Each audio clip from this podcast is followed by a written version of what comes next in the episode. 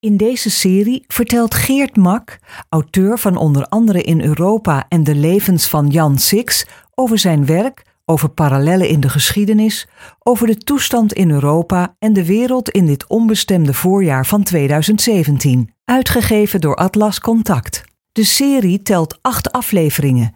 Dit is nummer 8. De leugen regeert, riep de toenmalige koningin Beatrix ooit tegen de verzamelde pers.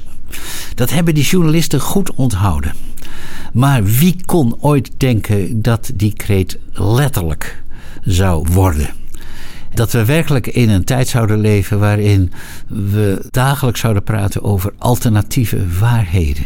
Waar één en één rustig drie kan zijn. Een soort wereld als Alice in Wonderland. Toch zijn we daarin beland. Het is een, uh, ingewikkeld verschijnsel. Het heeft deels te maken, denk ik, met bubbels in de politiek. Laten we eerst maar eens beginnen bij de grote propagandist van dit systeem, de huidige Amerikaanse president. Die gebruikt het wringen aan de waarheid. Dat is voor hem een onderdeel van zijn algemene campagne tegen de pers. En ook, het past helemaal in zijn manier van denken. Namelijk, wat ik niet zie en ik niet vind, bestaat niet. En andere werkelijkheden dan de mijne bestaan niet. Daar kan je mee door de wereld gaan als je een kluizenaar bent in de bergen ergens uh, in Albanië. Maar als Amerikaanse president is dat niet effectief. En het zal een van de achtergronden worden van zijn val. Want je moet je voorstellen, op een gegeven moment weten zijn inlichtingendienst het nodige over mogelijke terreuraanslagen. Ik zeg maar wat. Hij weigert te luisteren. Er gebeurt van alles.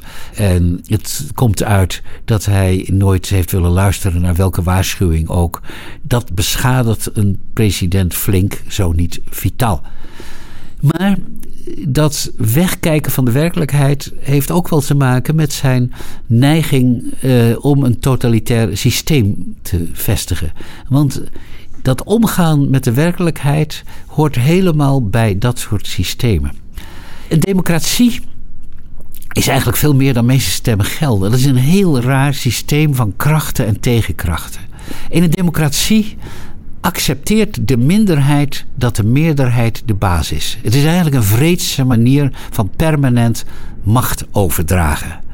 Die minderheid accepteert dat ten eerste omdat er allerlei rechten beschermd blijven, met name door de rechterlijke macht, maar ook omdat de discussie altijd open blijft, namelijk door een vrije pers. Dat ook altijd feiten worden aangedragen, geverifieerd, gewogen. Democratie kent ook altijd een permanent debat. Een permanente flexibiliteit. Ook omdat die minderheid ervan uit mag gaan dat op een dag misschien die machtval weer naar deze groepen toegaat. Dus ook een, de mogelijkheid van machtswisseling is altijd aanwezig. En ook daarvoor is dat debat en die vrije pers van levensbelang. En daarom heeft ook elke totalitaire leider een pesthekel aan de pers. Dat is het eerste. Maar er is nog iets anders aan de hand en dat gebeurt beetje bijna onbewust. Dat zie je bijvoorbeeld in Brussel. Daar, Brussel is een voorbeeld van niet alleen een politieke bubbel, maar ook een persbubbel. Uh, Den Haag speelt trouwens hetzelfde ook altijd. Dat ligt niet aan de slechtheid van mensen. Dat is bijna een, een natuurlijk verschijnsel. Je bent zo intensief met elkaar bezig. Ook met hele belangrijke dingen. Die energie is zo gericht op die ene vergaderzaal en wat er allemaal gebeurt. Dat men toch begint te vergeten wat daar buiten gebeurt. Dus die persbubbel is bijvoorbeeld toch wel een van de oorzaken geweest van de verrassing die men had toen de Brexit Brussel overviel. Men had duidelijk geen oog meer voor wat daar allemaal buiten Brussel gebeurde. En de frustraties en de fricties die daar opgebouwd werden. En ik denk dat men nog in sterkere mate geen oog had voor het feit dat een heleboel mensen niet meer stemden. Want dat is natuurlijk een, van de grote problemen geweest bij de Brexit. Er waren mensen voor een brexit, maar heel veel mensen waren tegen, die gewoon niet zijn gaan stemmen. Al die snikkende jongeren die op het plaveisel stonden in Londen de volgende dag, het overgrote deel had niet gestemd. En dat, ook dat, ja, dat was Brussel totaal ontgaan. Terwijl dat natuurlijk een van de grote problemen is in Europa en sowieso bij, rond het populisme. Dat mensen gewoon niet in actie komen. Maar er is nog een andere reden voor deze merkwaardige discussie over leugen en waarheid. En dat is een plaag die de laatste tien jaar uh, flink opkomt. Ik was een poosje geleden was ik bij het afscheid van een aantal kinderen van hun middelbare school. Ze gingen studeren, ze trokken het leven in en dan is er zo'n bijeenkomst waarbij toespraakjes worden gehouden, filmpjes worden gedraaid, leraren nog eens op de hak worden genomen, ouders een beetje op stang worden gejaagd, et cetera, et cetera. Dit was ook zo'n bijeenkomst. Alleen de filmpjes die nu vertoond werden, stuk voor stuk, het waren een stuk of vijf, zes klassen, die gingen alleen nog maar over die kids zelf. Hoe leuk ze waren, hoe fantastisch ze waren. Ze filmden alleen elkaar. Ze hadden een schoolreisje gemaakt naar Wenen.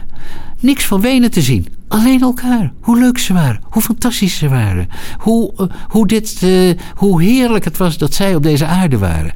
Het was één grote explosie van narcisme. Sinds die middag ben ik eh, het fenomeen selfie anders gaan bekijken. En ik dacht, dit is een cultureel verschijnsel.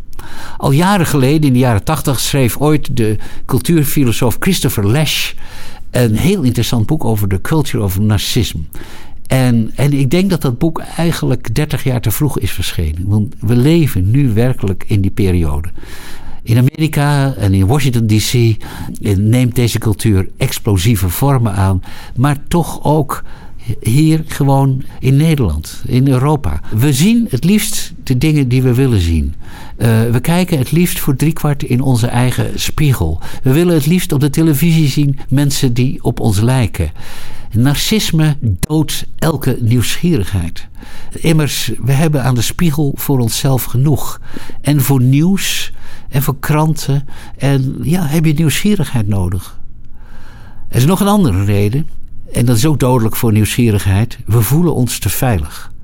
Als je je veilig voelt, als je denkt deze wereld gaat door zoals altijd, er zal nooit iets veranderen. Ik heb een goed leven gehad de afgelopen 20 jaar sinds mijn geboorte, of de afgelopen 40 jaar, of de afgelopen 60 jaar.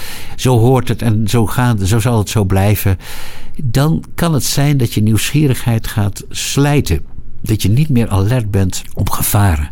Of je nou in een feitelijke wildernis zit of in een politieke wildernis, dan heb je geen zin meer in dat soort gevaren. Heb je ook geen belangstelling meer voor. Ook dat is een fase waarin wij nu zitten. Als het je niet meer kan schelen wat waar is en wat niet, dan is de waarheid een soort luxe voor je geworden. Dan voel je je wel heel, heel, heel erg veilig. Dan denk je dat er nooit iets ernstigs kan gebeuren. Dan vergis je je lelijk. U hebt geluisterd naar Geert Mak. Wilt u op de hoogte worden gehouden van lezingen, optredens en ander nieuws rondom Geert Mak? Bezoek dan zijn website www.geertmak.nl of stuur een mail naar info.atlascontact.nl onder vermelding van Geert Mak.